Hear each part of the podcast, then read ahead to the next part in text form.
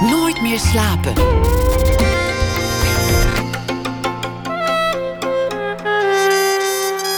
Met Liesbeth Staats.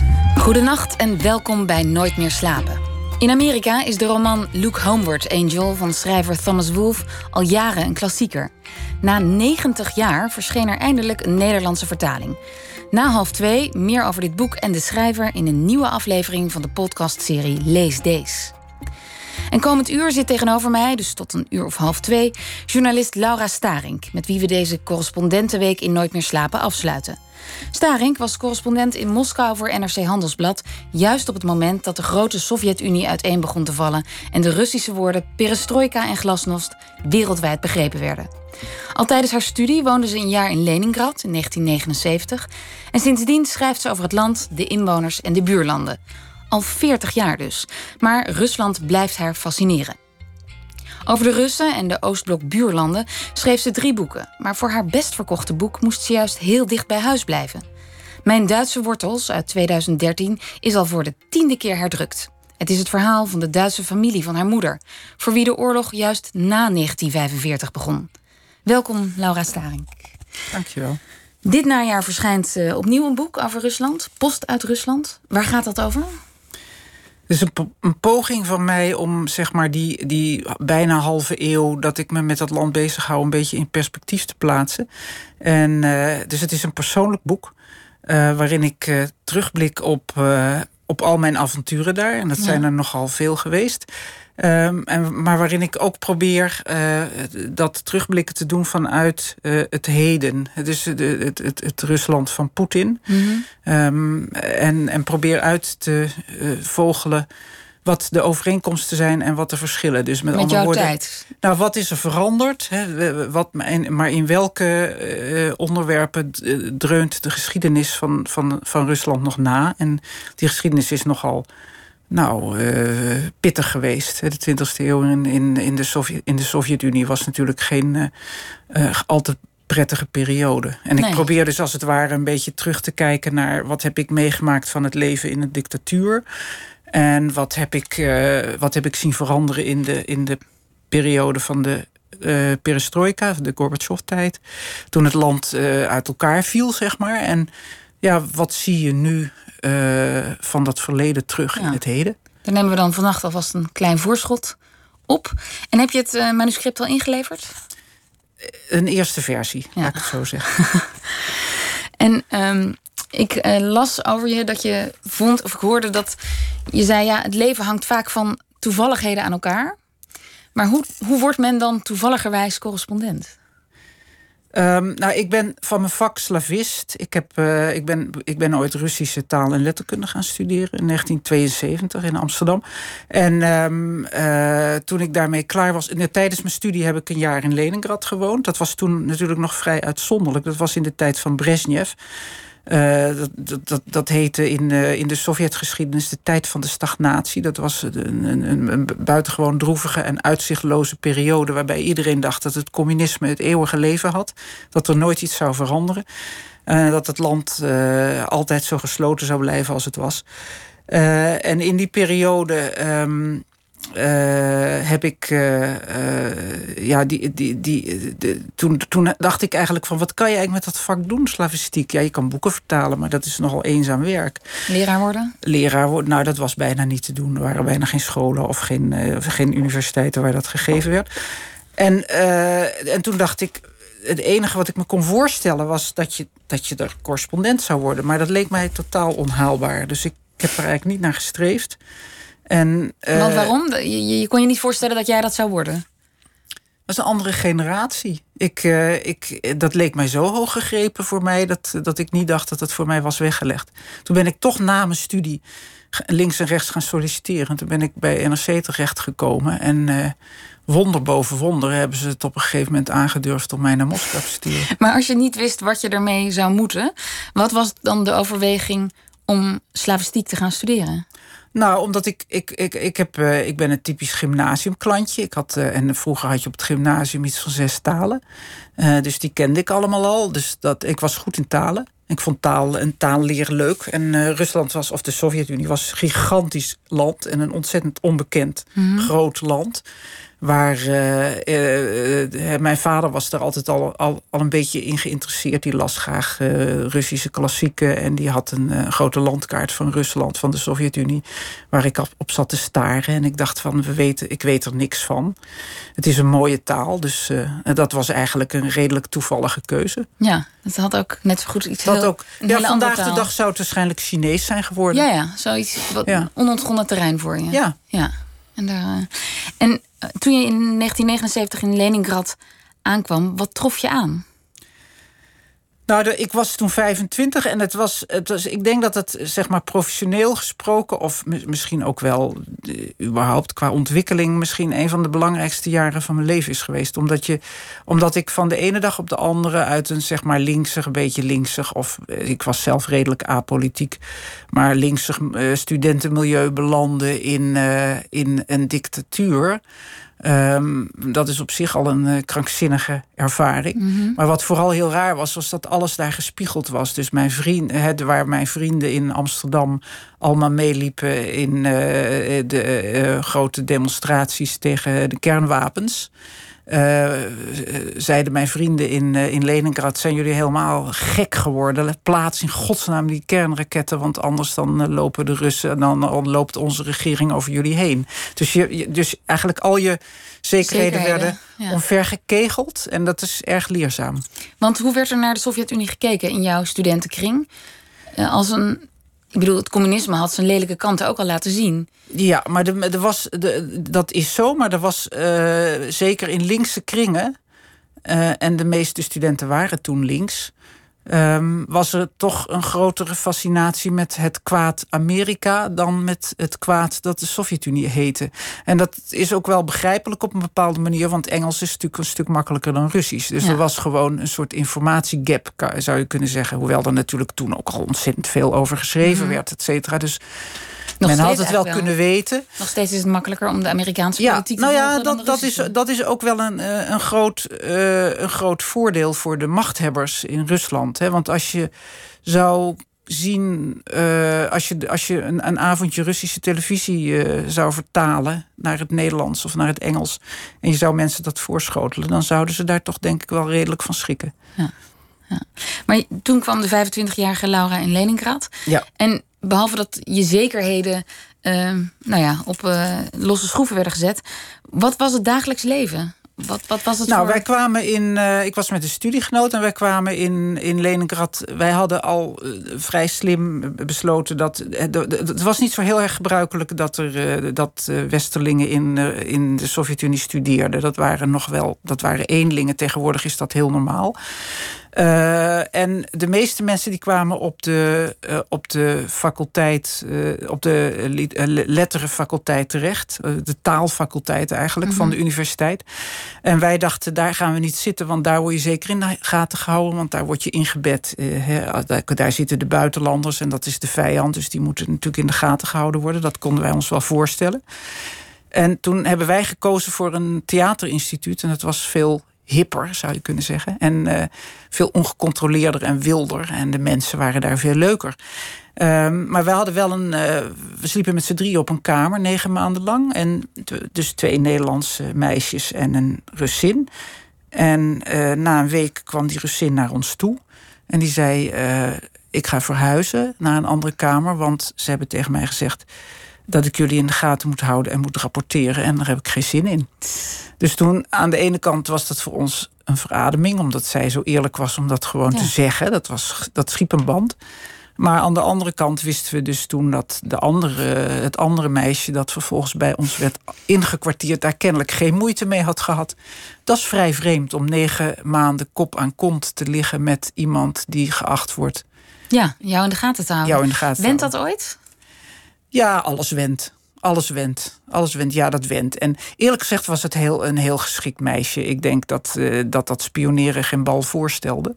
Maar het zijn voor uh, iemand die uit het Vrije Westen komt, was dat, waren, zijn, waren dat natuurlijk toch wel helemaal schokkende dingen. Ja. dat, uh, ja, het is een klein voorbeeld, maar zo, zijn, zo kan het En was dat uitzonderlijk dat dat eerste meisje daar zo open over sprak? Achteraf gezien niet, want ik denk dat juist omdat het inderdaad zo'n uh, een, een, beetje vrijgevochten studentenkliek was die daar zat. Hè, dat waren, het waren allemaal creatievelingen, acteurs in de dop en regisseurs en zo. Die waren politiek minder streng mhm. gecontroleerd en, en, en vrijer. En uh, dat meisje had er gewoon geen zin in. En dat had ze ook gewoon gezegd. En die is daarmee weggekomen. Ja. Ook toen. Nu ben je freelance journalist. Je schrijft, je bent oprichter en je schrijft voor Raam op Rusland. Dat is een uh, platform online voor feiten en achtergronden over Rusland. En uh, je bent ook lid van de hoofdredactie van NRC geweest. Maar laten we even teruggaan naar de jaren dat je correspondent was in Moskou. 1987, 1991. Je zei al, dat was de tijd van Gorbachev. Dat moet al die veranderingen, dat is voor een journalist een soort jamin, een soort uh. Ja, het was een goudmijn. Het was een goudmijn. Het grappige was, toen ik erheen ging, toen ik solliciteerde, toen uh, had niemand nog door, ik zelf ook niet hoor, dat het zo spectaculair zou worden. Met Gorbachev, die was toen een klein jaar aan de macht. En ehm, dus er was helemaal geen belangstelling voor. Want iedereen dacht, oh, dat strafkamp, Moskou, gadverdamme, daar is niks te krijgen. Er is geen oh, niemand wilde daar ook nee, heen? Nee, nee, er was helemaal geen belangstelling voor. Okay. Dus daar, want anders hadden ze mij niet genomen natuurlijk. Maar nou dus, uh, dus, dus uh, en toen ik, vanaf het moment dat ik er was, ik weet niet of er een oorzakelijk verband is, maar werd het steeds interessanter. Het werd echt gewoon van dag tot dag uh, zag je, nou ja, het, het, was, het waren vier jaar waarin je eigenlijk ja, geschiedenis meemaakt. Want een, want een heel wereldrijk stond op instorten. En je, en je stond daar met je snuffert bovenop. Nou ja, dat is natuurlijk geweldig. Het, is, het, is, het, was, het was heel hard werken. Uh, maar elke dag ging er wel een of ander heilig huisje tegen de vlakte. En het allermooiste was, ik kon natuurlijk vergelijken, omdat ik in 79 daar had gezeten. En toen was er heel duidelijk een verschil tussen wat mensen privé tegen je zeiden en en plein publiek. En in die Gorbachev-tijd uh, ging alles, gingen alle sluizen open. dus mensen begonnen, vonden opeens een buitenland waar ik in, in, toen ik in Leningrad zat, uh, mensen niet met mij gezien wilden worden, mhm. vrienden, omdat ze dachten dat is niet goed voor mijn carrière. Uh, in, uh, in de Gorbachev-tijd was je als, als, als westerling uh, ontzettend in trek. Want iedereen haakte naar de, de vrijheid die, die, waar wij voor stonden. dus dat, was, dat was heerlijk werken. En het was ongelooflijk interessant om te zien hoe een, een dictatuur zijn ideologische veren afschudt. En zijn Russen mensen die graag vertellen over. Oh, hou op. Krijg ze maar eens stil. Mijn hemel, die kunnen, die kunnen ouwe hoeren. Maar ook al in de jaren zeventig? Ja, of, zeker. Maar, maar, maar dat was dan binnenskamers. Hè, Dus, uh, dus, dus uh, nee, ja, politieke grappen werden er toen natuurlijk ook al, al omgemaakt. Maar de, dat, je, had een, je had een binnenwereld en een buitenwereld. En er waren twee volstrekt gescheiden werelden. De buitenwereld was hypocriet en de binnenwereld was warm en gezellig en veel drank uh, en weinig te vreten. Daar kwam het op neer. En toen, Erg gelachen. En toen in die jaren uh, durfde iedereen dat wel naar buiten te brengen. Ja, en dat zie dat is dus heel dus je spectaculair. Het alleen maar te schrijven, bij wijze van spreken. Ja, ja, ja. En het, het was, kijk, toen, toen bleek opeens natuurlijk dat mijn, uh, mijn, uh, het feit dat ik de taal sprak, was een enorm voordeel. Hè, omdat ik gewoon Kijk, ik heb het altijd het allerleukste. Politiek is natuurlijk heel belangrijk en dat volg ik ook allemaal, et cetera. Maar ik heb het altijd zelf het leukste gevonden om uh, met gewone mensen te praten. En die, die, die geschiedenis van die mensen is onwaarschijnlijk. En dat kunnen wij ons helemaal niets bij voorstellen. Wat ze hebben meegemaakt in die vorige eeuw. Mm -hmm. En uh, dus ja, iedereen had een verhaal. En uh, ik hoefde het alleen maar op te schrijven. En in die tijd was, uh, was de honger naar nieuws, omdat het natuurlijk gewoon ook. Ja, het was spannend, omdat ja, het was onze vijand, het was de tegenstander. En wat daar gebeurde was natuurlijk. Uh, voor, voor het Westen heel belangrijk. Ja. Om dat goed te volgen. En, en ik, ik had eigenlijk maar één doel: dat was zoveel mogelijk stukken schrijven. En in elk stuk proberen één vooroordeel over, omver te kegelen. Want die bestonden in het Westen natuurlijk heel erg over. Ja, maar wederzijds. Wederzijds natuurlijk was men bang voor elkaar. En, en, en lukte eh, dat vooral bij de gewone man of vrouw? nou ja, de, de, de, de, mensen, mensen die. Uh, uh, waren vooral ontzettend opgelucht dat ze eindelijk hun mond konden open doen. Maar de, de keerzijde daarvan was natuurlijk dat daardoor in één klap duidelijk werd hoe verrot het systeem was. dus uh, het meest spectaculaire voorbeeld daarvan was uh, in het voorjaar van 1989 was er, uh, dan zijn we al diep in de Gorbachev-tijd. Toen begon het land echt aan alle kanten te kraken. Uh, was er een, een volkscongres waarbij voor het eerst een flink deel van de uh, afgevaardigden echt vrij gekozen was. Die kwamen uit de hele Sovjet-Unie. Dat is natuurlijk een gigantisch rijk met mm -hmm. 15 Unierepublieken en, en, en tientallen verschillende nationaliteiten. En die hadden allemaal hun grieven. En, die werden, en dat, dat congres werd live op televisie uitgezonden. Twee weken lang heeft volgens mij in Rusland toen niemand gewerkt. Iedereen zat daar naar te kijken, gebiologeerd. En dat was alsof je de Sovjet-Unie voor je ogen uit elkaar zag spatten. Dat Want, gebeurde ook niet lang daarna, toch? De nou, dat heeft staten. toen nog. De, Gorbachev heeft het nog twee jaar volgehouden. Dat is in 1991 uiteindelijk gebeurd. Um, maar um, dat was toen al voorgeprogrammeerd. Want er waren, de problemen waren zo groot en die zijn, waren zo lang onder het vloerkleed geveegd. Mm -hmm. dat, en, en ja, iedereen kreeg opeens een stem. En uh, ik zie Gorbachev daar nog met het zweet op zijn voorhoofd. Want hij, was, hij moest dat, dat congres in goede banen leiden. Nou, dat was, uh, zelfs voor hem was dat een maatje te groot. En je zegt, ja, ik, haal graag het verhaal op bij de man en de vrouw in de straat. Je toetst grote ontwikkelingen of gebeurtenissen bij hen. Um, heb je dat vanaf het begin al nagestreefd of geprobeerd? Ja, ik denk het wel. Ik denk dat het. Dat, uh, ik, ik, ik vind in de journalistiek verhalen vertellen het leukst. En uh, ik, ik zou nooit romanschrijver kunnen zijn, omdat, om de eenvoudige reden dat uh, de werkelijkheid is zoveel malen bizarder en absurder. En dat, dat ligt altijd eigenlijk voor het oprapen. Dat is in Nederland ook zo, maar in Rusland is dat nog een graadje erger. Want daar is, dat is gewoon een heel groot land met een hele complexe geschiedenis. En je moet je voorstellen, als je daar. Ik, ik liep daar rond op het moment dat het open, ik, open ging. En dus het was voor het Westen een terra incognita. Niemand ja. wist er iets van. Nee. Dus dat is. Ja, ik, had, ik schoot altijd raak. Alles wat je schreef werd gefroten. Het was echt. Het was, het was fantastisch om te doen. Ik, ik herinner me bijvoorbeeld dat ik. Uh, uh, je had in Rusland, of in de Sovjet-Unie, had je allemaal militaire steden. die waren gesloten voor buitenlanders. Nou uh, ik, vond altijd, ik, had al, ik dacht altijd Vladivostok, dat is helemaal in het alleroosterste puntje van Siberië. Dat vond ik altijd, heb ik altijd als kind al een heel uh, romantische naam gevonden. En uh, dat was een gesloten stad, dat was een militaire haven. En er was een moment dat het ministerie van Buitenlandse Zaken ons journalisten vertelde: Vladivostok is open. Nou, mijn god, ik wist niet hoe gauw ik erheen moest.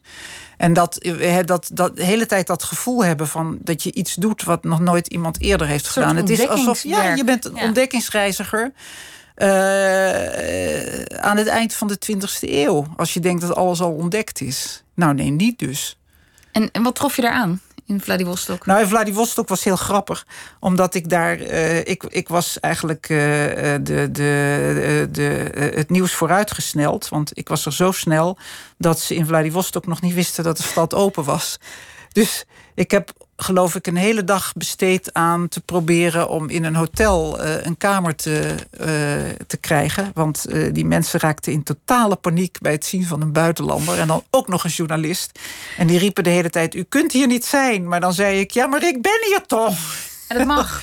En dan zeiden ze, ja, u mag hier niet zijn. Toen zei ik, het mag wel, want ik heb toestemming van het... Nou ja, et cetera. Maar dat waren, dat waren van die grappige, bizarre ervaringen. En, en hoe probeer je dan, want dat is een grote nationale gebeurtenis... Buitenlandse Zaken uh, verklaart die steden voor geopend. Hoe vertaal je dan zo'n gebeurtenis naar de gewone Rus? Nou, die mensen die, die in, in, in, in Vladivostok hadden natuurlijk nog nooit een buitenlander gezien. Dus dat alleen al is een hele grappige confrontatie. Als je mensen tegenkomt die naar jou kijken alsof je een soort van marsmannetje bent. En nou ja, dat leverde hele grappige gesprekken op. Vooral met ambtenaren, want die waren volstrekt in paniek. En dan beschreef je dat? Dat beschreef ik, ja, ja, ja. ja. Nou ja, omdat, kijk, je moet beschrijven wat een dictatuur is. Uh, en als je daar niet in woont, uh, als je daar geen ervaring mee hebt, dan weet je, dan, dan, dan zijn het vaak de kleine dingen waaraan je, aan de hand waarvan je dat kan uitleggen. En dat zijn de gewone dingen die je in het dagelijks leven treft. Ja. En je wist toen je correspondent werd, door dat jaar in Leningrad, een beetje wat je te wachten stond, zou je kunnen zeggen. Alhoewel, er zat wel bijna tien jaar tussen.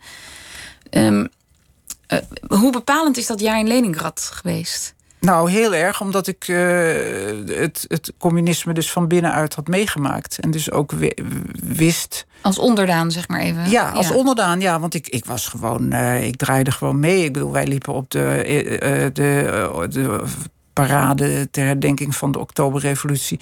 Dan, dat was dan verplicht volkswandelen. Dan moest de hele studenten, het hele studentenhuis moest dan uh, in de optocht meelopen en paraderen. En uh, voor de Hermitage, het Winterpaleis, stond, stond er dan een, uh, een, een, een, podium met allemaal grijze heren met geleufhoeden. Dat was de, de partijleiding. En die stonden zo'n beetje suf te zwaaien. En dan riep iedereen hoera! En dan, als we de hoek om waren, dan werden de flessen vodka uh, en de gitaren tevoorschijn getrokken. En dan ging iedereen er een gezellig feestje van maken. En dat was heel goed om dat, uh, dat soort relativerende dingen meegemaakt te hebben. Maar ook de grimmige dingen. Hè, dat je gevolgd wordt door de KGB.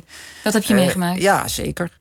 Uh, ik heb, we hebben één keer de KGB dat, uh, afgeschud door uh, heel klassiek, als in een James Bond film, door eerst heel snel in de tram te springen en dan er weer uit en dan snel een, een warenhuis in te schieten en een paar draaideuren door en dan was je ze kwijt. En hoe dat ga heet een gewost, een staart.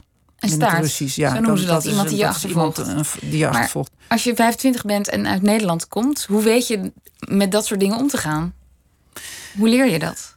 Nou, gewoon in de praktijk. Dat is. eh, dat, En je en, en, je leert het natuurlijk ook van, van vrienden. Kijk, de. de nou, een klein voorbeeldje. We hadden, wij hadden een vriend. Die gaf Joden die wilden emigreren. Dat was, was, waar- was de, een, van de, waren een van de weinige bevolkingsgroepen die ook in de Sovjet-tijd een soort van mondjesmaat naar Israël mochten emigreren. Maar heel veel mensen mochten dat ook niet. Hij gaf advies aan mensen hoe ze dat zo moesten inpikken dat het, dat, dat voor elkaar kwam. Hij woonde in een gemeenschappelijke woning. En daar, daar had hij een soort consultancy, zou je kunnen zeggen. Dus daar kwamen mensen advies vragen bij hem gratis. En daar zat altijd in de hoek van de kamer zat een vrouw thee te drinken. En toen wij de eerste keer bij hem kwamen, toen toen riep hij ons bij zich. En toen zei hij: Die vrouw, als die vrouw in de kamer is, moet je je mond houden, want die is van de KGB. En toen zeiden wij: Wat? Waarom schop je die er niet uit? Toen keek hij ons meewarig aan en zei: Hoezo? Ik bedoel, je kunt toch beter je vijand kennen? Als wij haar eruit schoppen, dan komt er een nieuwe. En eh, Wie weet dat- waar die wie weet, wie, ja. wie, wie weet wie dat is. Dus eh, dat was gewoon praktisch. Hè. Dus zij gaven haar thee en koekjes, et cetera. En zij zat met grote oren mee te luisteren. Maar in haar aanwezigheid werd niks bij- bijzonders besproken.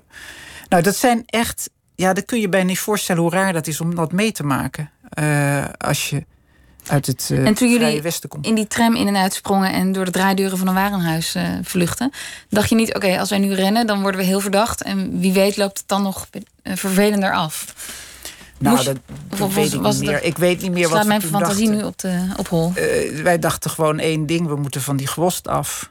En het is, het is, het is dat, dat, dat, Ja. dat, dat, dat- ja, nee. Dat is, dat is fantasie. Ik, ik, eh, ik weet niet meer wat, we toen, eh, wat er toen door ons heen Nee. ging. Maar je moest gewoon, eh, ja, je paste je daaraan aan. Ja. Je wist dat je in de gaten gehouden werd. Je wist ook door dat soort ervaringen als met dat meisje bij ons, dat bij ons sliep, dat, dat dat niet zo ontzettend veel voorstelde vaak. Dat, het, dat het een soort achterdocht was die nergens op gebaseerd was. En bovendien wist je ook dat wij, dat je als Westerling zelf natuurlijk helemaal geen gevaar liep. Het enige wat je kon gebeuren is wat je, dus dat je je het land uit zouden Ja. zetten. 1979, nu is het 2019 en je schrijft opnieuw over Rusland. Heb je in die 40 jaar, of ruim 40 jaar, het idee dat je dat land nou ja, begrijpt? Dat je, dat je het doorgrondt? Kan dat ooit? Mm, Nee, dat denk ik niet. Dat denk ik niet. Ik denk dat eh, dat, dat, dat dat heel moeilijk is. Omdat eh, ja, een land begrijpen, begrijp je Nederland. Ik begrijp Nederland ook niet vaak, ook vaak niet. Nee, maar langer dan ik leef kan ik daar niet wonen of ermee bezig zijn in Nederland. Nee. Dus Nee, nou, het, Beter laat wordt ik het zo niet. zeggen dat ik, ik het, het land verrast me nog steeds. Kijk, ik had bijvoorbeeld, eh, ik was eh, eh, na mijn correspondentschap heb ik bij de krant allerlei andere dingen gedaan. Uh, en toen heb ik hem een tijdje niet mee bezig gehouden. Nou, dat was de periode dat Poetin opkwam. Uh, en uh, ik had natuurlijk volgde dat nieuws wel. En ik, ik, ik, ik, ik hield ook wel in de gaten wat er daar zich allemaal afspeelde. Maar een, een, een, jaar of vijf geleden, vijf, zes geleden, was ik voor het eerst sinds laten we zeggen, vijf jaar of zo, ging ik weer eens terug naar Moskou. En toen was die stad onherkenbaar veranderd. Echt onherkenbaar. Toen ik er, toen ik er woonde, was het een donkere, sombere, uh, gesloten, arme, afgetrapte stad. Waar het stonk. En waar je geen koffie kon drinken. Er waren geen restaurants waar je terecht kon. Er was niets te krijgen. Mensen zagen er shabby uit. Als je nu in Moskou rondloopt, dan denk je: dit is een metropool als, als elke andere stad. Dus een enorme metamorfose heeft daar plaatsgevonden. En uh, uh, als je hier het nieuws volgt, dan mm denk je: Poetin is een halve dictator. Als je in Moskou rondloopt, dan zie je dat in de boekwinkels alle boeken te krijgen zijn die je maar kan voorstellen. Nou, dat was in de tijd van. Uh, in mijn studententijd in 1979 was daar, was daar natuurlijk geen sprake van. dus er, er, verandert ontzettend veel. Het land is niet statisch. En je moet dus ja, je moet behoorlijk. Uh, uh, je moet behoorlijk blijven volgen, wil je, ja. wil je het snappen. Ja. En, en ben jij verliefd geworden op Rusland? Niet op, niet op Rusland, wel op de Russen op een bepaalde manier. Dus ik, ik voel me. Ik, ik vind het regime vreselijk. Uh, hey, we hebben nu net weer die demonstraties gezien de afgelopen weken. Ja, en dan zie je weer. In aanloop naar de ja. sorry, de ja, gemeenteraadsverkiezingen. Ja, precies. Er zijn gemeenteraadsverkiezingen uh, in, op 8 september. En er zijn een stuk of dertig oppositiekandidaten die zich proberen daarvoor uh, voor te kandideren. En die zijn geweerd door de kiescommissie op allerlei flauwe kulgronden. En uh, uit woede daarover zijn jong, vooral jongeren zijn de straat opgegaan. Nou, die zijn uh, neergeknuppeld. En nou, dat is natuurlijk verschrikkelijk. Dat, heb ik al zo vaak gezien. Ik heb al zo vaak die politie hardhandig zien optreden? Nou ja, hardhandig. Weet je, het, wat, wat, wat het, een van de meest vreemde dingen is... wat ik niet snap van Rusland... is dat die demonstraties zijn altijd geweldloos. Behalve in de, in de periode Gorbachev trouwens. Want toen, toen het land uiteenviel... toen, is er, is er, uh, toen zijn er ook doden gevallen, mm. et cetera. Maar die hele afgelopen 25 jaar... dus al die demonstraties waarin mensen weer hun rechten opeisen... et cetera, et cetera het is niet zo moeilijk hoor om zo'n demonstratie onder controle te houden. Het, het, gooien van een plastic flesje water naar een politieagent is al voldoende om je in de kraag te grijpen. Uh, maar meer doen ze niet. Er zijn geen molotov cocktails. Er worden geen uh, winkels geplunderd. Er worden geen uh, politieagenten aangevallen. De, door, door demonstranten. Het is volstrekt geweldloos protest. En desalniettemin wordt, wordt iedereen opgepakt, ingerekend, ja. et cetera. Ja. Ik las op uh, Raam op Rusland dat uh, er ook een soort nieuwe beweging is, namelijk de vloggers en mensen op internet die zich aansluiten bij de demonstranten. En dat is natuurlijk een, een, een, een nieuwe vorm van demonstreren waar de overheid nog geen antwoord op heeft. Ja, nou, de overheid heeft echt langzamerhand wel een probleem. Wat je ziet is dat de, de, overheid wordt steeds autocratischer en conservatiever. En uh, de, de, de, de samenleving moderniseert in een rap tempo. Als je in Moskou rondloopt, dan is het gewoon... Ja, dat zijn mensen zoals jij en ik.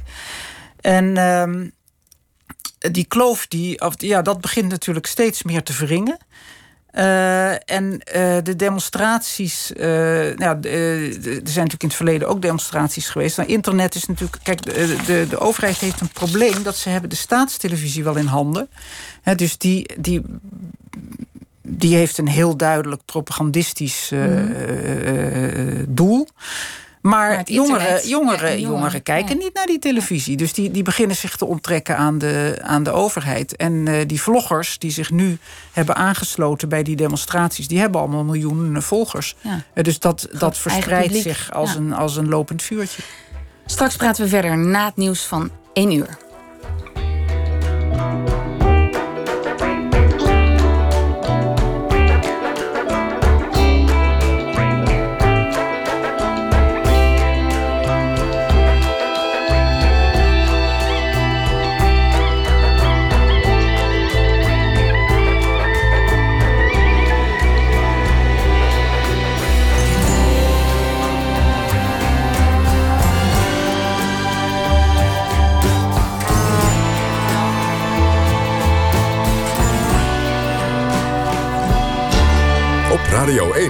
Het nieuws van alle kanten.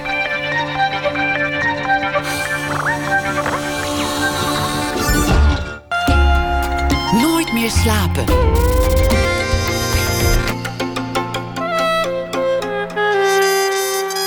Met Liesbeth Staats. Welkom terug bij Nooit meer slapen. Naast mij zit nog steeds Laura Starink. Voor het nieuws hebben we het onder meer gehad over het leven in de dictatuur die de Sovjet-Unie was, de binnenwereld en de buitenwereld van de Russen en haar fascinatie voor het land.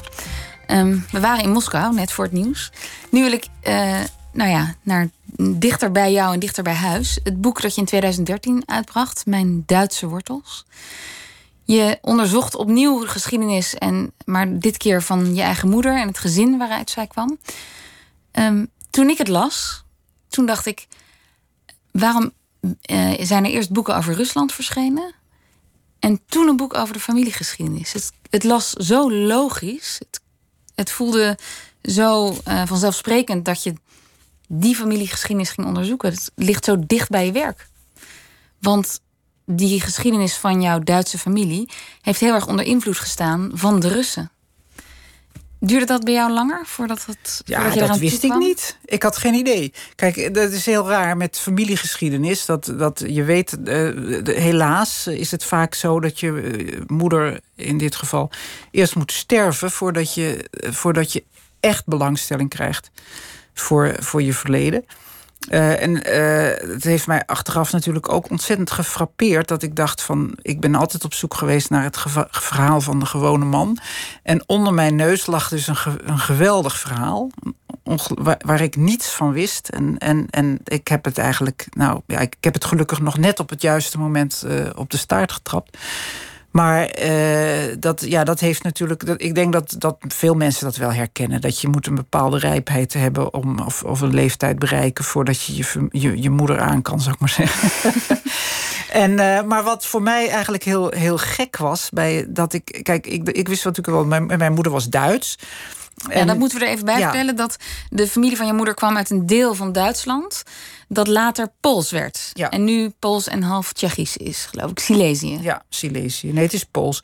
Maar ja, en dat wist ik allemaal niet. Ik, kijk, ik dacht gewoon Duitsland is een groot land... en mijn moeder komt ergens uit Duitsland, maar het zal wel. Uh, ze heeft er zelf nooit iets over verteld. Daar ging het gewoon nooit over? Of? Nee, daar ging het niet over. Want mijn moeder kwam in 49 naar Nederland... en toen waren Duitsers niet bepaald populair hier. Dus zij heeft heel snel uh, heel goed Nederlands leren spreken...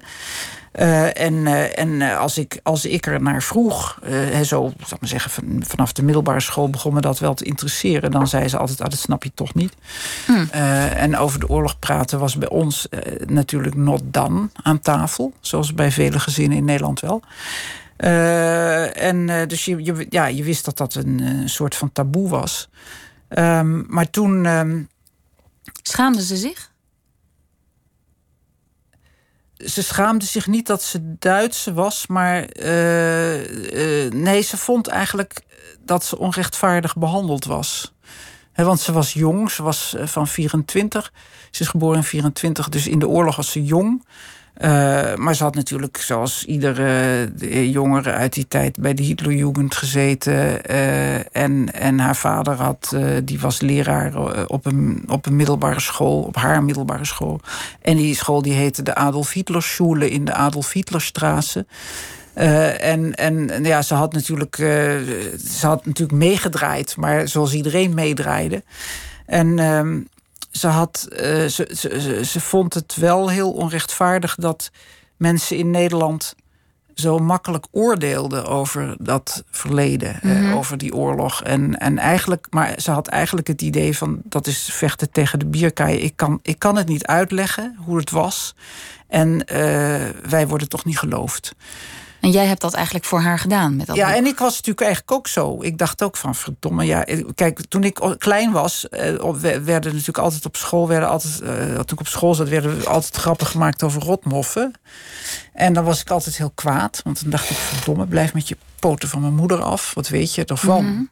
Maar ik zei dat nooit, want uh, ja, dat, dat, ik voelde natuurlijk ook wel, ja, nee, het was natuurlijk gewoon een hartstikke foute boel. Mm -hmm. En uh, als kind ben je daar natuurlijk ook een beetje bang voor. Daarom ga je er ook niet zo gauw aan krabben. Omdat je denkt van, jij weet je veel wat je vindt. Dus daar moet je ook een zekere volwassenheid voor hebben om uh, voordat je dat. En op een gegeven moment heb ik dat dus dat moment bereikt dat ik zei: ja, ik wil nou toch een keertje met jou. Dat was na de val van de muur, toen Polen niet meer communistisch was en haar heimaat, dus dat wat nu Slonsk heet, dat is de, de Poolse vertaling van Silesië, nou, was bereikbaar. En toen zei ik: nou wil ik er met je naartoe. En dat hebben we gedaan. En zij vond dat een vreselijke reis. En, uh, en voor mij was het natuurlijk ook wel confronterend. Want ik ging eigenlijk als een journalist. heb ik haar de hele tijd geïnterviewd met een, een, een apparaatje onder de neus en zo. Af en toe zei ze van zet godsnaam die microfoon af. Uh, en, en dat, en die, maar goed, dat, ik had, dat had ik, die reis had ik gedaan en daar ben ik achteraf heel blij mee. Maar daarna ga je weer gewoon terug naar je eigen werk en denk je, daar komt wel een keer. De ja. rest komt wel een keer. En toen ging ze dood. Nou, en ik wist natuurlijk, maar ik wist bijna niks. En toen dacht ik, ja, verdomme, maar haar broer en zussen die leven nog. En die leven trouwens allemaal nog. Uh, en toen ben ik die gaan interviewen. Mm. En zo is het boek gegroeid. En toen, toen ben ik naar, daar naartoe gegaan. En toen, bleek, en toen bleek daar ook nog heel veel. Er zijn nog heel veel resten en heel veel sporen. Ik heb zelfs het, het dossier, het lerarendossier van mijn opa. Aan de Adolf, Aan de Hitler Adolf Hitlerschule heb ik gevonden in een Pools archief. Nou ja, het was echt wel ook zo spectaculair. Als je Ja. dat, ik, heb, ik dacht even van, ik stop het in mijn tas, want er is nooit meer iemand, Iemand die, die dat- hier ooit een blik in zal werpen. Dus hebben, maar toen waren die Polen zo ontzettend aardig dat ik alles mocht fotograferen. Dus ik heb dat hele dossier. En eh, ja, dat is ook zo'n moment En, dat en je wat denkt... stond daarin? Wat, wat vond je daar? Nou, dat, dat waren eh, van alles en nog wat over zijn eh, eh, eh, eh, eh, eh, school. eh, conduite staat, zeg maar, op school. Eh, maar dan, dan vind je dus bijvoorbeeld ook eh, brieven waar, die ondertekend zijn met Heil Hitler. En dat is echt van je opa. Hè? En dat is wel even schrikken. Ja. Totdat je ontdekt dat dat een hele gewone, eh, eh, bijna standaard formulering was. eh, die in die dictatuur usance was, zeg maar. Ehm, maar er was ook wat, wat, wat, wat interessant was, ook voor mij, was dat mijn, mijn familie had altijd gezegd. Ik vroeg natuurlijk van, nou ja, wat deden je ouders dan in de. vroeg ik aan mijn moeder, waren die dan Ja. goed of fout in de oorlog? Want het was voor onze generatie destijds nog heel belangrijk. Eh, en die zeiden dan: eh, Ja, nee, nee, nee, open. Maar onze vader was eh, ontzettend anti-nazi, want die luisterde stiekem naar de BBC. Dat was verboden, want ik wilde weten wat er echt, de, hoe de oorlog zich ontwikkelde. Was natuurlijk, Er was natuurlijk in in, eh, Propaganda. propaganda. Ja. Dat was, kwam mij natuurlijk ook allemaal heel bekend voor uit Rusland. Ehm, en eh, toen dacht ik, ja, ja, dat zou ik ook vertellen. Mijn vader was goed in de oorlog. eh, dat, eh, dat is het, geloof jij het? En, en toen vond ik dus in dat dossier wel inderdaad een, een, hij had hij was bijna dat had mijn tante mij verteld na de dood van mijn moeder dat hij bijna ontslagen was omdat hij iets in de in de hij gaf god- godsdienstles dat hij in de godsdienstles iets had gezegd wat wat niet door de beugel kon en toen was hij aangegeven dat aangeven kwam me natuurlijk ook weer heel bekend voor Ja. uit Rusland. Dus er waren allerlei aha-erlebnissen. Eh, en, en, daar, van dat, eh, en, en daar was een soort verslag eh, zat er in dat dossier... waarin dat verhoor aan de orde kwam. En dat was natuurlijk ook heel spectaculair om te lezen. En wa- wat heeft. Het is een prachtig boek en het heeft jou, je hele familie, ehm, nou ja, ontsluierd. Is dat een woord? Ja. Ehm, en wat, het, wat heeft het jou gebracht al- als werk, als project? Ehm, Behalve ik- dat je nu weet waar je moeder vandaan kwam, wat ze heeft meegemaakt, wat haar familie heeft meegemaakt. Ehm, Ja, het heeft me een verleden gegeven, zeg maar. Dus het heeft me natuurlijk een familiegeschiedenis gegeven die eh, niet erg eh, gewoon is. Eh, hoewel die eigenlijk tegelijkertijd wel in, in Midden-Europa, waar zij dus vandaan komt, en verder daar naar het oosten, eigenlijk de geschiedenis is van iedereen. Eh, en daaruit voort is, eigenlijk mijn, ook mijn, eh, het boek wat ik daarna geschreven heb, eh, De schaduw van de grote broer, uit voortgekomen. Omdat ik aan de hand van de, de verhalen van mijn moeder me realiseerde dat achter dat ijzeren gordijn ligt zoveel materiaal. Wat nog door niemand is ontgonnen. En iedereen heeft daar iets meegemaakt wat, wat in onze ogen buitengewoon is. dus uh, toen ben ik begonnen met daar onderzoek naar te doen en, en daarover te schrijven. En, uh, en dat, uh, ook, dat, ook dat was fascinerend. Dus het, dat heeft het me gebracht. Een, een, een, een soort van idee van je moet door op die weg. Ja. Maar ook, denk ik, een wat persoonlijkere manier om met. Uh, om als, kijk, ik ben een ouderwetse journalist. Uh, in onze tijd, kunnen jullie je niet voorstellen. Uh, was ik in een stuk dat was uit den boze. Dat was volstrekt verboden. En feiten en interpretatie en analyse en alles, dat moest allemaal gescheiden, et cetera. En een journalist moest objectief zijn. En, je naam mocht er nog net onder staan, onder een ja. stuk. Ja. Maar, en dus ik heb, en, maar als je je in je familiegeschiedenis uh, stort, dan kun je dat niet volhouden. Dan, dan schrijf je vanzelf een ik-boek. En uh, mijn boek over Rusland nu is ook een ik-boek. En dat is voor mij een enorme stap. En was, was het schrijven van die familiegeschiedenis ook een enorme stap? Ja, ja. ja, omdat, nou ja, waarom? Kijk, um, ik hou zelf persoonlijk niet van boeken van mensen die hun, de verhou hun verhouding met hun moeder onder de loep nemen. Dat interesseert me geen bal. Uh, waarom ik, niet eigenlijk? Omdat ik dat privé vind.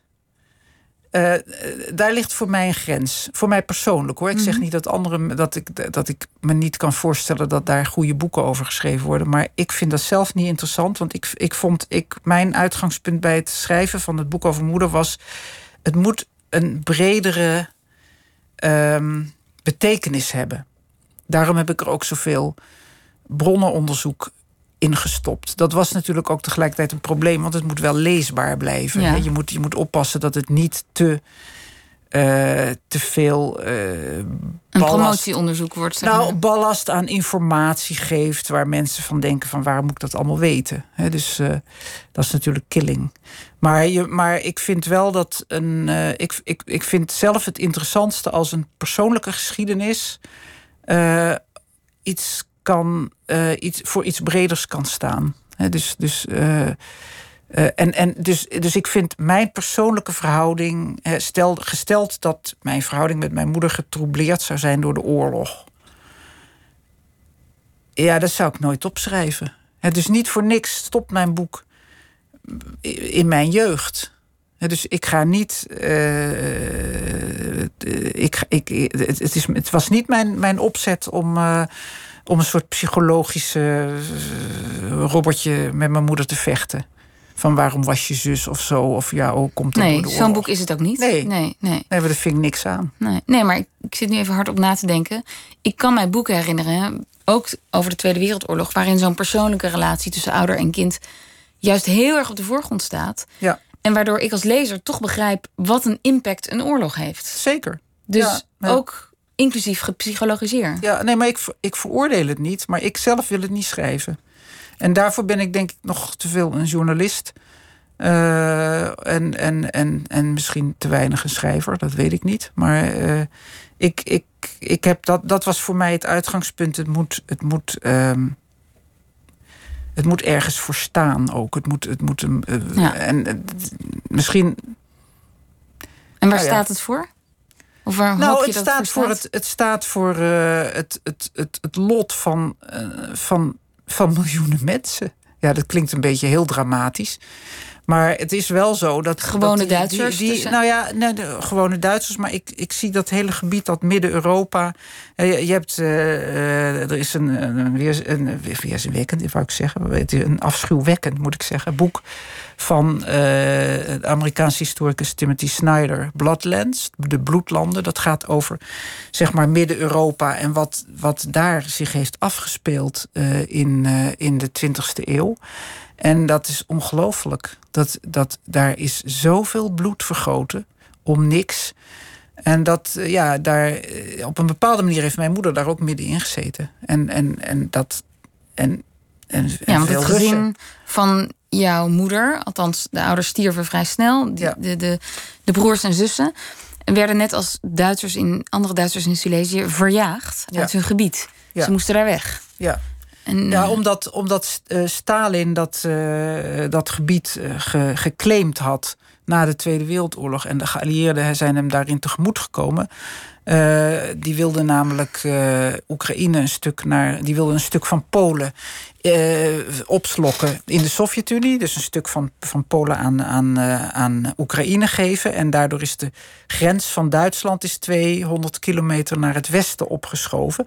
Dus al die mensen die moesten weg. Dat waren de 14 miljoen. Dat is bijna Nederland in die tijd, ja. Of nou ja. Dat is, dat is de grootste volksverhuizing in de vorige eeuw. Ja. Uh, en, en, en, en het gekke is dat daar heel weinig over bekend is omdat uh, die mensen natuurlijk na de oorlog. Kijk, de Duitsers hadden natuurlijk na de oorlog geen recht van spreken, heel lang. Of niemand uh, wilde het horen. Nee, niemand ja. wil het horen. Dat is heel begrijpelijk. En, uh, dat, dus, en, en, en, en in Duitsland zelf, waar de, deze mensen heten Heimatvertriebenen. En eh, dat is dus een enorme exodus geweest, waarbij ook heel veel doden zijn gevallen. Want die mensen zijn gewoon op de trein gezet en eh, naar het westen gedeporteerd. En in, in barre omstandigheden en kou en bevroren en uit de trein gegooid. Dus dat zijn allemaal vreselijke verhalen zijn dat. Zijn, daar zijn hele goede boeken over geschreven. Um, en, en die, uh, uh, die mensen die kwamen in het westen aan. En die werden daar natuurlijk uh, met de nek aangekeken. Want heel Duitsland lag in puin na mhm. de oorlog. En later zijn die heimatvertriebenen politiek in. Die, die waren natuurlijk rechts. En die werden natuurlijk door de politieke elite in Duitsland ook heel lang uh, zeg maar weggezet als mensen. Ze waren daar eigenlijk bang voor, want die mensen wilden hun land terug. En ja, Duitsland was natuurlijk al in tweeën gesplitst. En uh, allerlei landaspiraties, dat, daar wilde natuurlijk al helemaal niemand aan denken. Dus dat was een heel impopulair standpunt. Dus, dus die mensen die zijn eigenlijk heel lang gemarginaliseerd en zo. En die, die verhalen komen eigenlijk nu pas naar buiten. Ja, onder andere door jouw boek. Ja. In, in Nederland zijn er weinig boeken verschenen die het Duitse perspectief laten zien als het over de Tweede Wereldoorlog gaat. Ja. De tijd was er nog niet rijp voor, misschien eerder. Nee, dat denk ik ook. Ja. ja. ja. Um, um, ik vroeg me af, met deze familiegeschiedenis, heeft die bijgedragen aan jouw keuze om Slavische talen te gaan studeren? Nou ja, achteraf is het best wel heel gek dat ik. Nee, ja, dat, dat kan haast niet, want ik, ik was me er niet van bewust. Maar het is wel gek. Kijk, mijn moeder heet Sibis. Van de, meisjesnaam. Uh, en uh, dat is natuurlijk dat is een Tsjechische naam. Uh, dus zij heeft, zij heeft absoluut Slavische origine. Ze, heeft, ze hebben Slavische wortels. maar dat wist ik niet. Dus dat, dat, dat kan, dat kan de, mijn, mijn studiekeuze niet hebben beïnvloed toch is het een beetje gek. Ja. Dat je, dat, ja, ik zeg, je dingen hangen van toeval aan elkaar. Daar hadden we het in het begin van de uitzending over. Maar dus, dus uh, ik, ik vind het wel. Ik vind het wel toch in de lucht dan? Zo. Ja, het is wel een gek toeval. Ja. Dat, dat, uh, dat mijn blik naar het oosten getrokken werd. En jouw maar, moeder stond niet op de bank toen jij je keuze bekend maakte voor Slavische talen. Wat leuk, want dan uh, nee, ga je in mijn geschiedenis. Nee, want, die, nee. want de Russen waren natuurlijk bij mijn moeders familie helemaal niet populair. Nee. Hè, want uh, dat is ook een van de dingen die. Uh, wat, je, je stipte dat al even aan. Dat in, in Silesië begon de oorlog op een bepaalde manier pas in 1945. Voor de familie van mijn moeder dan. Want toen kwamen de Russen, toen kwam het Rode Leger. En dat was een bezettingsleger voor de Duitsers daar, ja. Ja, en die hebben zich eerlijk gezegd nogal beestachtig gedragen. Waarbij je de kanttekening moet maken dat de Duitsers begonnen zijn met het beestachtige gedrag. Want uh, de oor, in de, in de operatie Barbarossa, waarmee uh, Hitler de, de Sovjet-Unie binnenviel, was bedoeld voor genocide op de Slavische Untermensch. En dus er zijn hele dorpen zijn daar weggevaagd. weggevaagd. dus, dus de Russen waren nou ja, razend toen ze ja. de grens overkwamen. Dus die, en die razernij heeft de familie van mijn moeder meegemaakt. meegemaakt ja. je, je zei in een interview over dit boek ook dat het jou heeft geleerd dat vooroordelen er nog altijd zijn. En dat je altijd moet proberen als journalist, maar ook als mens, om voorbij die vooroordelen te kijken. Um, is dat na dit boek nog um, prominenter in jouw hoofd gaan zitten? Bedoel je na Duitse wortels? Ja. Of, ja. Ja, nou ja, kijk, het heeft eigenlijk, wat ik al eerder zei, door, de, door, door die opmerkingen over die moffen in, bij mij in de klas. Het heeft, bij, heeft mij altijd achter, in mijn achterhoofd gezeten van mensen, wat weet je ervan? Weet je, waarom oordeel je zo snel? En als je in het buitenland gaat werken, dat is een van de leuke dingen daarvan. Is dat je, het is natuurlijk gewoon heel verrijkend om in een totaal andere cultuur te leven. En daar de goede en de slechte dingen van te zien. En, uh, en ook te snappen dat, dat je, ja, dat jouw, dat jouw denkraam zo beperkt is. En dat jouw blik zo vertroebeld is, zeg maar. En dat het zoveel rijk, rijk geschakeerder is. Mhm. En, en breder en anders en ook leuker en grappiger. En mensen, mensen zijn sowieso geweldig. Overal, vind ik. Eh, ik bedoel, je hebt ook heel veel klootzakken hoor. Maar Mhm. ik, eh, ik ben voor dat boek, onder andere van mijn nieuwe boek, dus ben ik, eh, heb ik een tijdje in een dorp rondgehangen. Nou, eh, geweldige gesprekken in Rusland. Ja. geweldige gesprekken heb ik daar gehad. Klein voorbeeldje. Eh, dat dorp wordt gerund door vrouwen. Want de mannen zijn allemaal wel, want er is geen werk. Dus die zijn allemaal taxichauffeur in Moskou. Eh, en maar, dus, maar de kruidenier is een man. En eh, ik ging dus bij die kruidenier naar binnen. Nou, is echt zo'n winkel van Sinkel. En ehm, eh, nou, die, om de een of andere reden lopen mannen op het Russisch platteland allemaal in camouflagepak. Dat vinden ze hip. Ja, zo'n camouflagepak en zo'n zo'n zo'n gebreid mutsje op. En ik zei, ze kunnen wij eens kletsen? En toen keek hij me zo van onderen eh, een beetje schuin aan. En toen zei hij van, hoe weet ik dat jij geen spion bent? Nou ja, dan eh, ben ik al, dan ben ik Verkocht, zo blij. ja. Dan ben ik zo blij. Dan denk ik, de eerste zin heb ik al. de rest loopt vanzelf. En na anderhalf uur gingen we als vrienden uiteen. En heb ik hem met mijn laatste Amsterdamse hashmutsje gebracht voor zijn zoon. Vond hij geweldig. En wat is Dus- dat? Oh, een, een Nee, soort zo'n, toeristending. eh, ja, ik neem altijd van die dingen mee. Want Ja. Om een paar vooroordelen onderuit te schoppen die bij de Russen aanwezig, zijn. aanwezig zijn. Oh, wat goed. Dus, ehm, maar dus dat soort ontmoetingen, ja, dat is vele malen leuker dan Poetin. Ja. Over die ontmoetingen. Er bestaat zoiets, ik ga dit nu verkeerd uitspreken, denk ik. De Ponyatia. Ponyatia? Zo, je hebt je goed voorbereid. Nou ja, dat eh, heb ik uit jouw artikelen. Ja. Ehm, dat, dat is, daarmee wordt bedoeld het grijze schaduwgebied in de samenleving. Dat Ja. een soort nou ja, andere economie ook is, behalve de officiële. Dat er andere wetten en regels zijn dan de officiële wetten en regels in Rusland. Ja.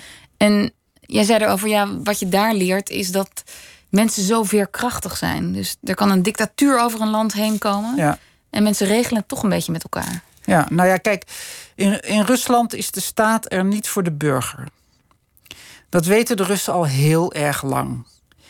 Eh, aan de ene kant bestaat er het idee van... ah, ze zijn allemaal heel dociel en bang... en, en, en houden ze, steken hun kop niet boven het maaiveld uit.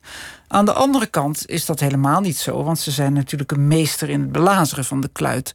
En dat gaat eh, vanuit het idee... luister, de staat belazert ons al ons hele leven... dus wij belazeren gewoon terug. Ze voelen geen loyaliteit en dat is wederzijds. En dat is natuurlijk fnuikend voor een land... Ja. Eh, maar het eh, stimuleert de creativiteit, zou je kunnen zeggen. Dus, dus, dus Russen proberen natuurlijk gewoon zo min mogelijk met de staat van doen te hebben. En daardoor is er natuurlijk een enorme grijze economie. Dus mensen kunnen vaak niet van hun salaris leven. En dat was al zo in de Sovjet-tijd. Dus dan, eh, dan, dan doe je, heb je je, heb je, eigen, ja, je Ja. hebt je eigen ruilhandeltjes. En, eh, dus dus de, de, de, de, de grijze en zwarte economie is gigantisch. Dus ongeveer een derde van het, van het BBP naar, naar schattingen. En eh, daar heeft de overheid helemaal geen greep op.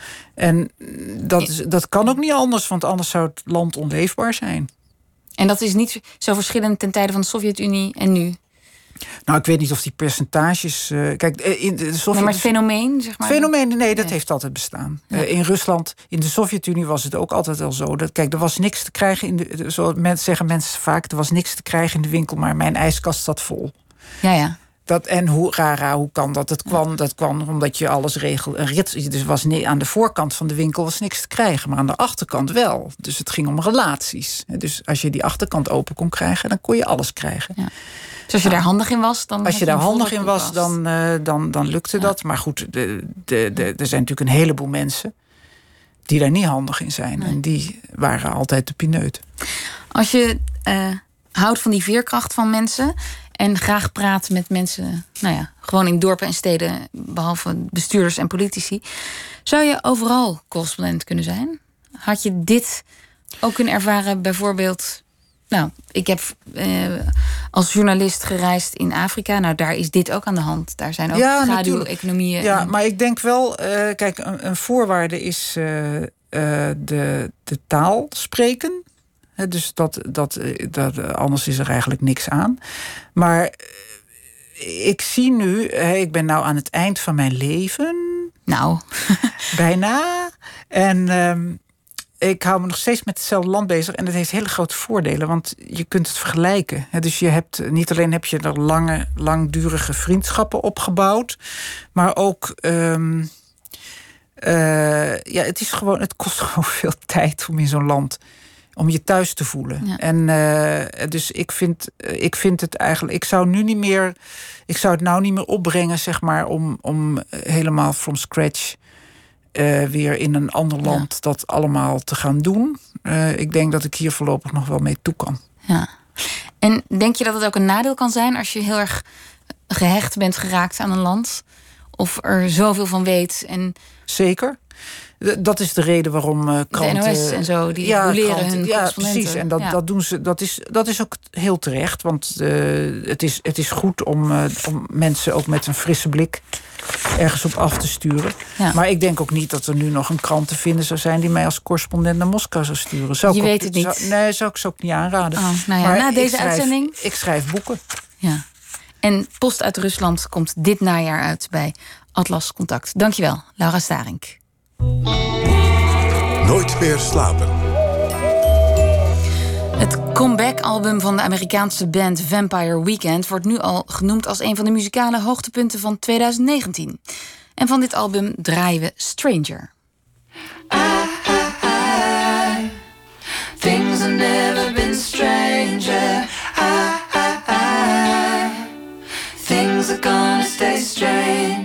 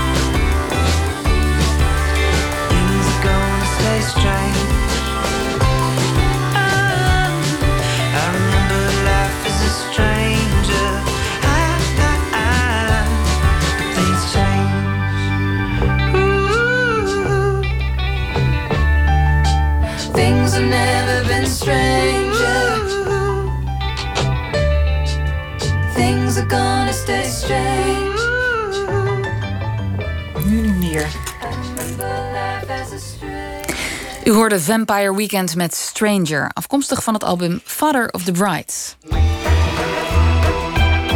Nooit meer slapen. Met de actie Schwab zet het Letterenfonds in samenwerking met boekhandels en uitgeverijen vergeten auteurs in de schijnwerpers. Vannacht duikt programmamaker Anton de Goede in de wereld van de Amerikaanse schrijver Thomas Wolfe, wiens klassieker Look Homeward Angel vorig jaar na 90 jaar eindelijk in Nederlandse vertaling verscheen. Met als titel Daal Nederengel.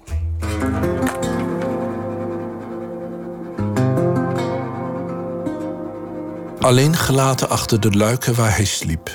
In een kamer waar het dikke zonlicht zich afdrukte in streep op de vloer, voelde hij zich door pijloze eenzaamheid en treurnis bekropen. Hij zag zijn leven voor zich in het mistroostige verschiet van een bospad en begreep dat droefheid zijn voorland was. Gekooid in dat kleine hersenpannetje, gevangen in dat kloppende, o zo geheime hart, moest zijn leven zich altijd door corridors van eenzaamheid bewegen. Teloor. Welkom bij Lees Deze, de podcast over vergeten meesterwerken. Ik ben Anton de Goede en deze aflevering gaat over het boek Daal Neder Engel van Thomas Wolfe. Nee, niet Tom Wolfe, maar Thomas Wolfe. Hij schreef een Amerikaanse klassieker, Look Homeward Angel, met als hoofdpersoon Eugene, een opgroeiende jongen in Asheville in het zuiden van de Verenigde Staten aan het begin van de 20ste eeuw. Het boek verscheen 90 jaar geleden en is eigenlijk onbekend. Wie ga ik spreken over deze vergeten klassieker? Natuurlijk de vertaler van het boek, Sjaak Commandeur. Dit is een, een, een parel aan de kroon van, uh, van het Fonds van Van Oorschot. En dan een fan van de taal in het boek, Emily Muizers. Mooie woorden, maar dat is, het is geen ontroering. Het is echt gewoon een soort woordgeluk. En criticus Dirk-Jan Arendsman, ook liefhebber, maar dat niet alleen. Het is bloemrijk, het is gedurfd, het is zijn eigen genie uitroepend. En dat, dat heeft iets heel erg aantrekkelijks, maar ook iets heel erg puberaals. En zegt u pardon, maar nog nooit van gehoord van dat boek. U bent de enige niet. Sterker nog, de vertaler, die zich eerder bezighield met het werk van Sol Bello, van Dokterov en Raymond Carver, kende, voordat uitgever van Oorschot hem enkele jaren geleden vroeg Look Homeward Angel te vertalen, het boek niet. Hij kende zelfs niemand die het ooit gelezen had. De naam Thomas Wolfe was hem wel al bekend. Ik heb zoals gezegd ooit uh, Raymond Carver vertaald. Sjaak Commandeur, gezeten achter zijn bureau in zijn woning in Amsterdam-Zuid. Carver die heeft een hele redactiegeschiedenis met zijn vriend Gordon Lish. Die heeft zijn tweede bundel grondig onder handen genomen. En uit de literatuurgeschiedenis in Amerika was eigenlijk maar één voorbeeld bekend waarin dat ook zo gegaan was. En dat was het geval van Thomas Wolfe en Maxwell Perkins. Perkins, dat was een, een legendarische redacteur die werkte bij Scribners. En die had Thomas Wolfe, nou, daar gingen de gekste verhalen over. Die, die, die teksten van Thomas Wolfe die, die kwamen met karrevrachten binnen. En Perkins die zat daar dan in te knippen en te schuiven. Net zolang tot het een meesterwerk werd. En daar werd dus die, die relatie van Carver en, en Lish eh, mee vergeleken. Dus zodoende kende ik de naam Thomas Wolfe. Hij wordt gezien, als je stukken over hem leest, als een van de grote namen uit de Amerikaanse literatuur. En tegelijkertijd is hij onbekend. Ja, Amerikanen hebben wel van hem gehoord. Ik, ik ben nog nooit iemand tegengekomen die, uh, die dit boek ook echt gelezen had. Totdat dus uitgeverij van Oorschot enkele jaren geleden Sjaak Commandeur benaderde voor de vertaling van het omvangrijke boek Look Homeward Angel over de opgroeiende Eugene. Hoe zou je het boek verder willen omschrijven? Het is in de eerste plaats een, een autobiografie. Het, is, het, het, valt in drie delen uiteen. Het eerste gaat over een kind en het gezin waarin hij opgroeit. Het tweede gaat over een middelbare scholier en de stad waarin hij opgroeit. Het derde gaat over een student en het land waarin hij opgroeit. Dat was de, de opzet die uh, Wolf had met dit boek. En verder kun je er nog een aantal uh, etiketten meer op plakken. Je kunt het een, uh, een bildungsroman noemen. Dat is het zeker. Je kunt het ook nog een kunstlerroman noemen. Uh, coming-of-age novel uh, hoor, je, hoor je veel. In het Nederlands ontwikkelingsroman. Dat is het allemaal wel. Ja. En het is ook een, een, een, een zekere zin een chroniek, zo noemt hij het zelf. Wat is een kunstlersroman? Uh, dat beschrijft de wordingsgang van iemand die uiteindelijk uh, kunstenaar wordt. Dan moet je denken aan The Portrait of the Artist as a Young Man van Joyce. De naam Joyce is meer gevallen. Ja. Alsof Joyce ook misschien wel een inspiratiebron is geweest voor deze deze wonderlijke figuur Thomas Wolfe? Dat is, dat is moeilijk te zeggen, want we weten eigenlijk niet of Wolfe Joyce kende. Hij kende hem in elk geval van reputatie en van naam en van doorbladeren. Maar of hij, of hij Ulysses ooit gelezen heeft, dat, uh, dat weet de geschiedenis niet. Hij wordt dan misschien naar voren gehaald omdat dit ook een boek is waar heel veel in geassocieerd wordt, waar tot in details beschreven wordt wat hij meemaakt. Nou, er, is, er is over Joyce gesproken. Er is een hoofdstuk waarin hij wel degelijk een soort uh, imitatie, al dan niet bewust, van uh, Joyce geeft als hij een, een, een nanacht en een ochtend beschrijft in Asheville, dat, is, dat heet in het boek Eltemont, maar dat is het uh, Asheville in North Carolina. En dat begint met uh, de oudste broer van de hoofdpersoon die wakker wordt en het eindigt aan het eind van de. Aan het begin van de ochtend als Eugene, de hoofdpersoon, zelf wakker wordt. En beschrijft in detail en verspringend steeds van perspectief wat er gebeurt in die vroege ochtend. Uh, dat lijkt ontleend aan Joyce, ja. Ja, je zegt dus, het zijn drie fases uit een, uit een opgroeiende man die ja. kunstenaar wil worden. Je ja. ziet hem volwassen worden. En de sfeer is, de mens is een eenzaam schepsel. Ja, ja. Mensen zijn uh, eenzamen voor elkaar. Ja. De mensen zijn niet kenbaar voor elkaar. Ja, en dat wordt in een. Als er één tekst beroemd is geworden uit het boek, is dat de tekst die op bladzijde 10 van jouw vertaling staat. Ja. En jij noemt dat steeds een? Invocatie, ja, de het aanroepen van de geest. Kijk, je hebt uh, uh, Nijhoff die opent uh, A-water met. Wees hier aanwezig, allereerste geest die over wateren van aanvang zweeft.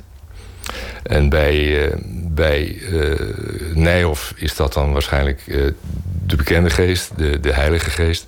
Bij Wolf moet je eerder denken aan de geest van de, degenen die gestorven zijn.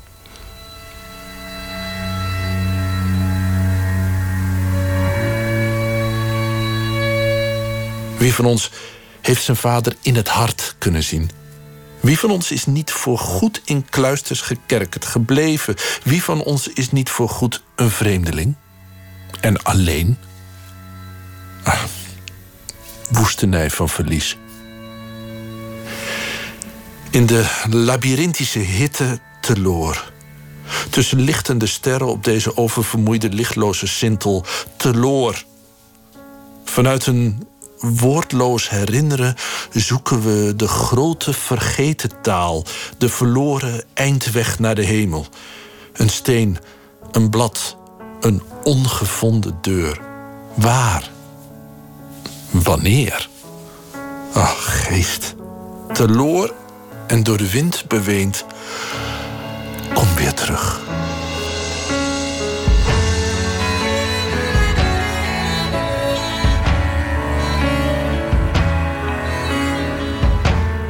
En dat eindigt dan met: O geest, teloor en door de wind beweend, kom weer terug.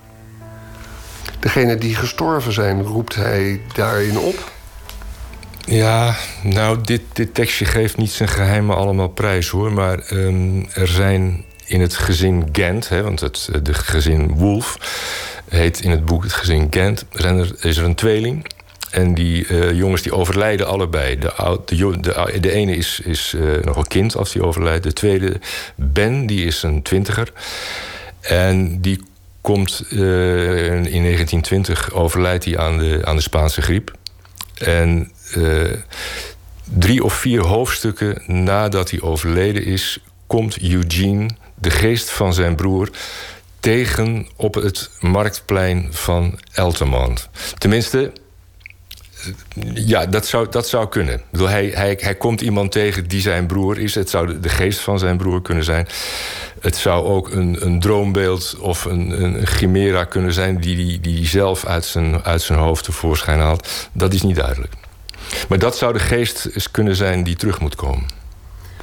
Ja, want het is geen religieus boek. Nee. Nee, nee. de Wolfs eh, waren eh, oppervlakkig presbyterianistisch. Maar eh, nee, eh, Wolf is zeker niet religieus.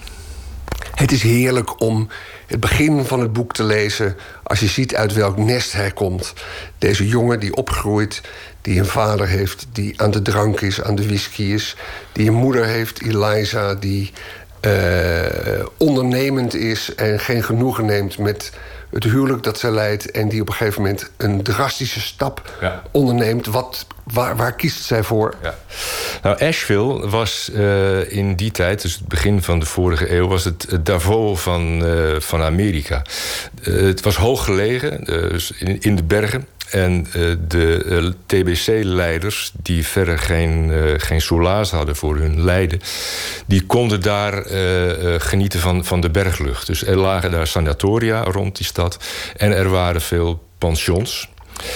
Want eh Asheville was ook in trek bij mensen die de hitte van de zomer ontvluchten. Hè? Want omdat het hoog lag, was het daar dan nog relatief koel. En Eliza die zag kans om een, zo'n pension te kopen. En de, die eh, vestigde zich dus in het pension. En nam daarbij eh, de jonge Thomas mee. Waardoor het gezin waar deze Eugene uit voortkomt... eigenlijk scheurde. Ja. Vader bleef in de, in de ouderlijke woning. En, eh, en Eliza inderdaad ging in het pension werken en wonen. En Thomas ging mee. Al dus het autobiografische verhaal van de familie Wolf... door de zoon Thomas onder woorden gebracht. En hoe? Wat opvalt is het rijke taalgebruik. Literatuurliefhebber Emily Muizers wordt erdoor betoverd. Wat ik heel erg heb gemerkt bij het lezen... en dan vooral bij sommige zinnen of sommige woordjes... dat mijn hart gewoon een sprongetje van geluk maakt.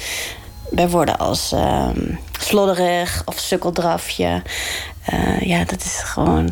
die woorden die lees je eigenlijk nooit meer. En ehm, ja, daar word ik heel eh, blij van. Ja, het zijn woorden waarvan ik ook dacht... bestaan ze echt? Je hebt de neiging om ze op te zoeken. En als je het dan opzoekt, dan zijn het echt oud-Hollandse woorden... Ja.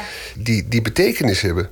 Ja, want zoals slodderig, dan dacht ik dat, dat ik dat woord had bedacht. Die had ik, nog, had ik nog nooit gelezen. En opeens lees je dat dan en dat is dan zo leuk.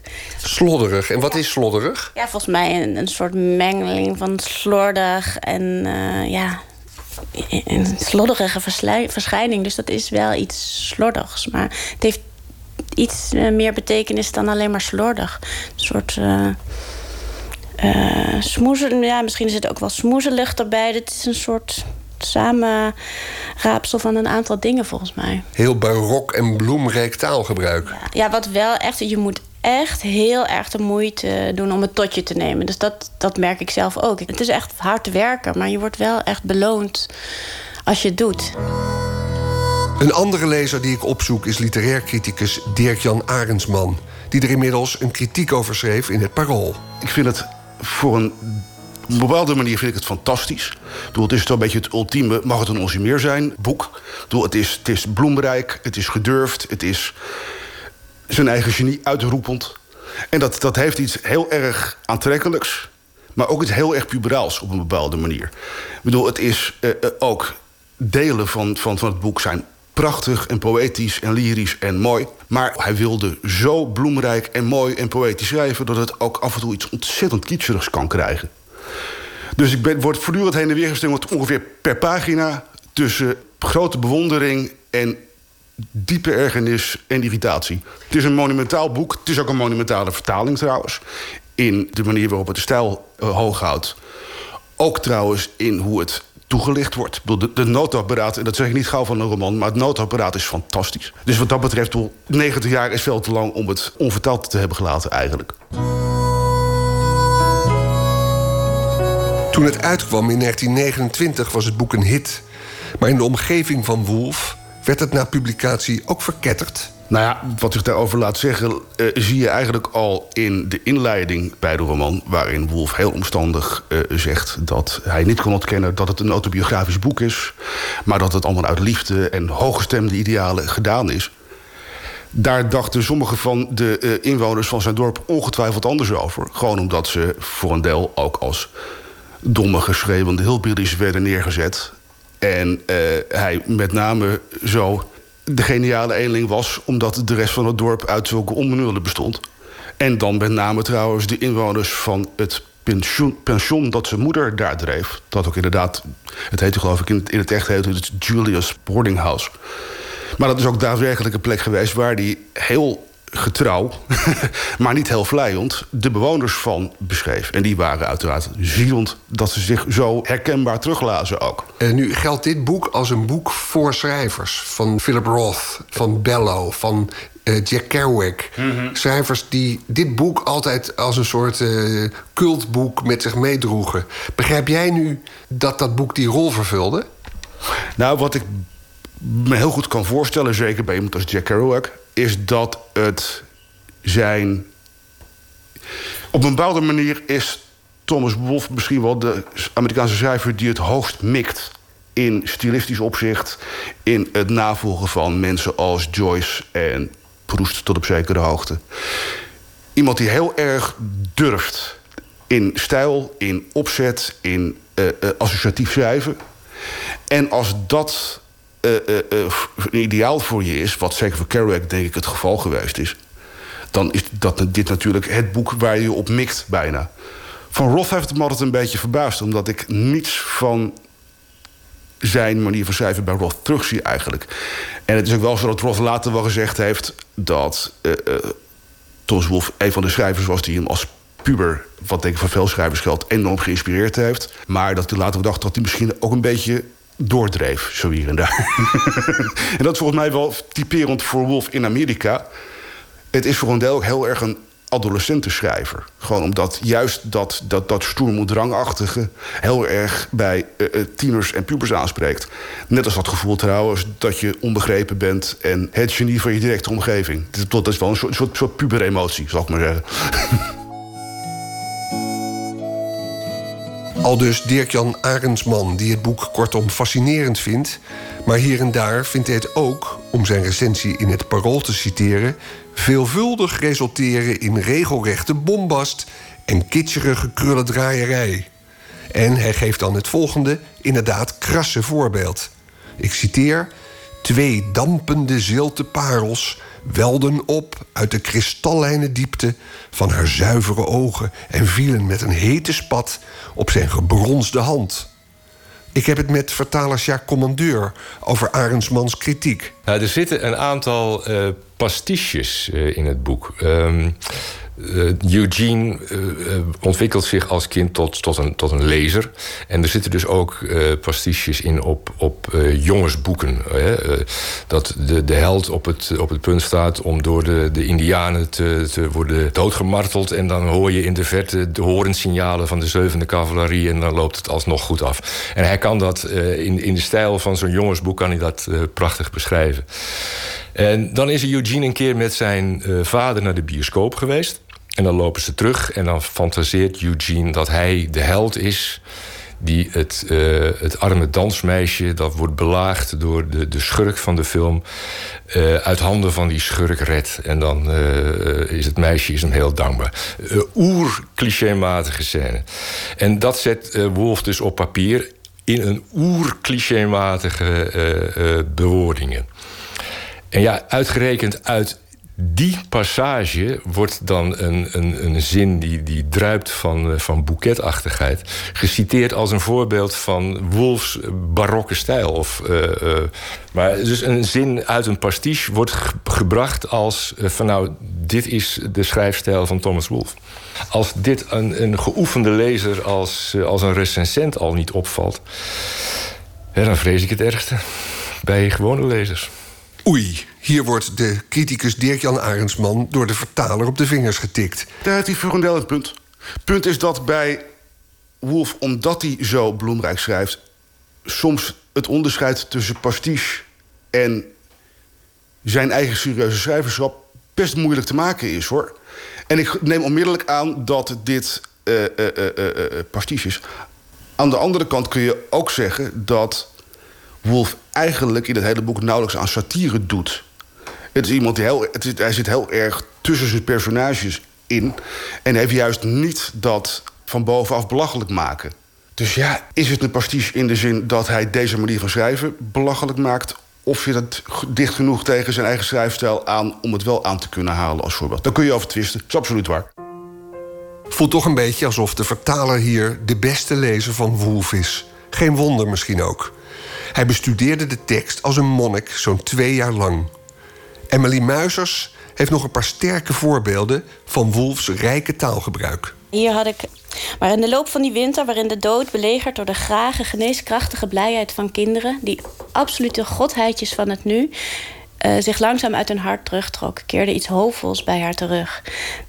Vooral die absolute godheidjes van het nu. Dat vind ik echt zo mooi. Uh, uh, ja, dat, ik weet dan niet of het dan de vertaler is die dat zo mooi heeft vertaald. Of dat het, hoe het dan ook in het origineel staat. Daar heb ik geen idee van. En dan was er nog iets. Oh ja, over, uh, over de wintermaanden. Uh, toen de trage van verdriettrekkige maanden duidelijker wegvielen, herontwaakte bij Elisa de formidabele en gevolgzwangere bezits- en vrijheidsdrang. En begon de aloude onderhuidse strijd tussen hun karakters van vooraf aan. En dan vooral van verdriettrekkige maanden. Dat vond ik echt heel mooi. Van verdriettrekkerige maanden. Ja, dat is toch prachtig? Ja, dan moet ik echt aan november en december en januari denken. Maar ik, ik vind het verhaal totaal ondergeschikt aan, aan, uh, eigenlijk aan, de, aan de leeservaring. Omdat het, het wat mij, ja, ik, die, de taal die uh, maakt het zo bijzonder wat mij betreft. Het is na 90 jaar voor het eerst in het Nederlands... waarvan je eigenlijk zou kunnen zeggen... het voegt iets toe aan de Nederlandse taal. Zeker door die verdiensten van Jacques Commandeur. Ja, nee, daar ben ik helemaal mee eens. En ik ben ook heel erg benieuwd... Uh, naar het origineel eigenlijk, nu, uh, nu ik er met jou ook over heb gehad... dat Jacques zo'n grote rol heeft gespeeld natuurlijk in, die, in, in het vinden van die mooie woorden. Ik ben echt onder de indruk van hem, van zijn werk. Ja. Hoe was het om het boek te vertalen? Ik kom woorden tegen die ik niet ken. Waar ik een woordenboek heb. Ja, ja, ja, ja. Heerlijk, heerlijk. Ja, ja, ja. Nee, uh, kijk, daarom, daarom is zo'n historische tekst dankbaar werk voor een vertaler. Als je uh, een, een, moderne Amerikaanse tekst vertaalt... dan uh, trekken redacteuren al heel snel een vies gezicht... als ze proza zien dat enigszins naar het verleden riekt. Dat hebben ze niet graag. Dat is ouderwets en dat kan dus niet. Uh, in zo'n boek wordt, dit wel, wordt dat wel geaccepteerd. Want dit is een historische tekst. Een boek uit 1929. Daar kun je rustig aankomen met, uh, met woorden als... Uh, nou, ik, schabouwelijk en zo. Dat, ja, dat is nog regionaal ook. Dus, maar, Wat is schabouwelijk? abominabel, verschrikkelijk, afschuwelijk. Ja. Ja, dat is dus, dat is dus de tekst die, uh, die de vader van, uh, van Eugene heeft over het pension van, uh, van zijn vrouw. De, de schabouwelijke boerenschuur.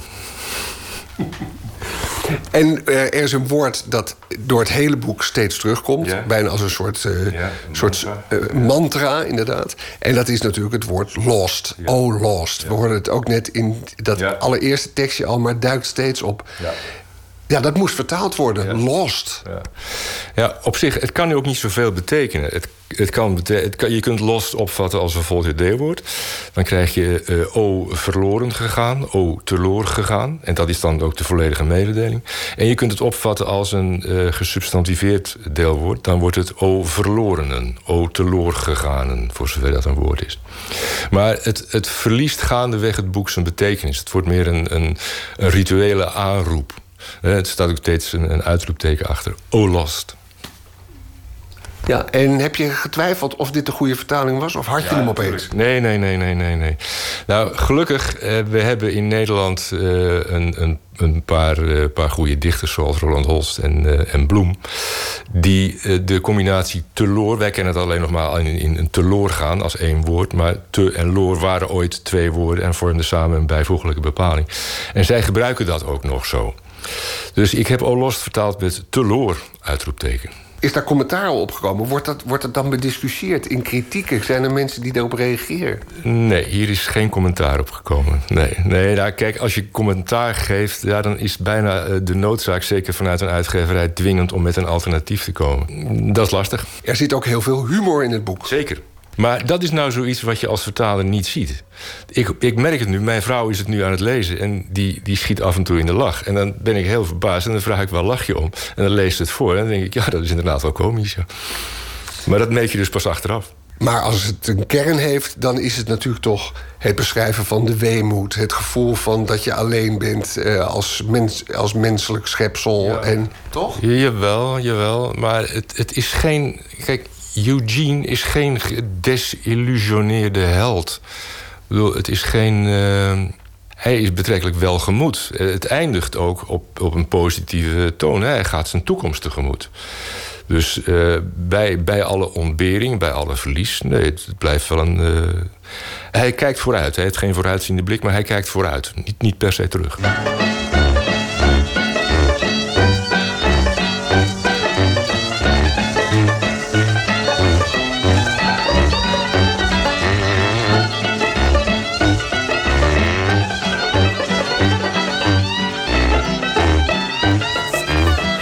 Tot zover Anton de Goede over het boek Daal Neder Engel van de Amerikaanse schrijver Thomas Wolfe.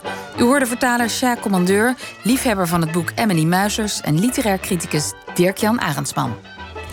En ik vertel nog iets over maandag. Dan praat Pieter van der Wielen met columnist Nausicaa Marbe. Tot de zomer van 2013 schreef ze wekelijks voor NRC, waarna ze de overstap maakte naar de Telegraaf. Ook schreef ze boeken, waarvan de roman Smeergeld uit 2014 werd bekroond met de Diamanten Kogel. Dat en meer aanstaande maandag. Nu kunt u luisteren naar De Nacht van de Radio van BNN Vara. Een goede nacht.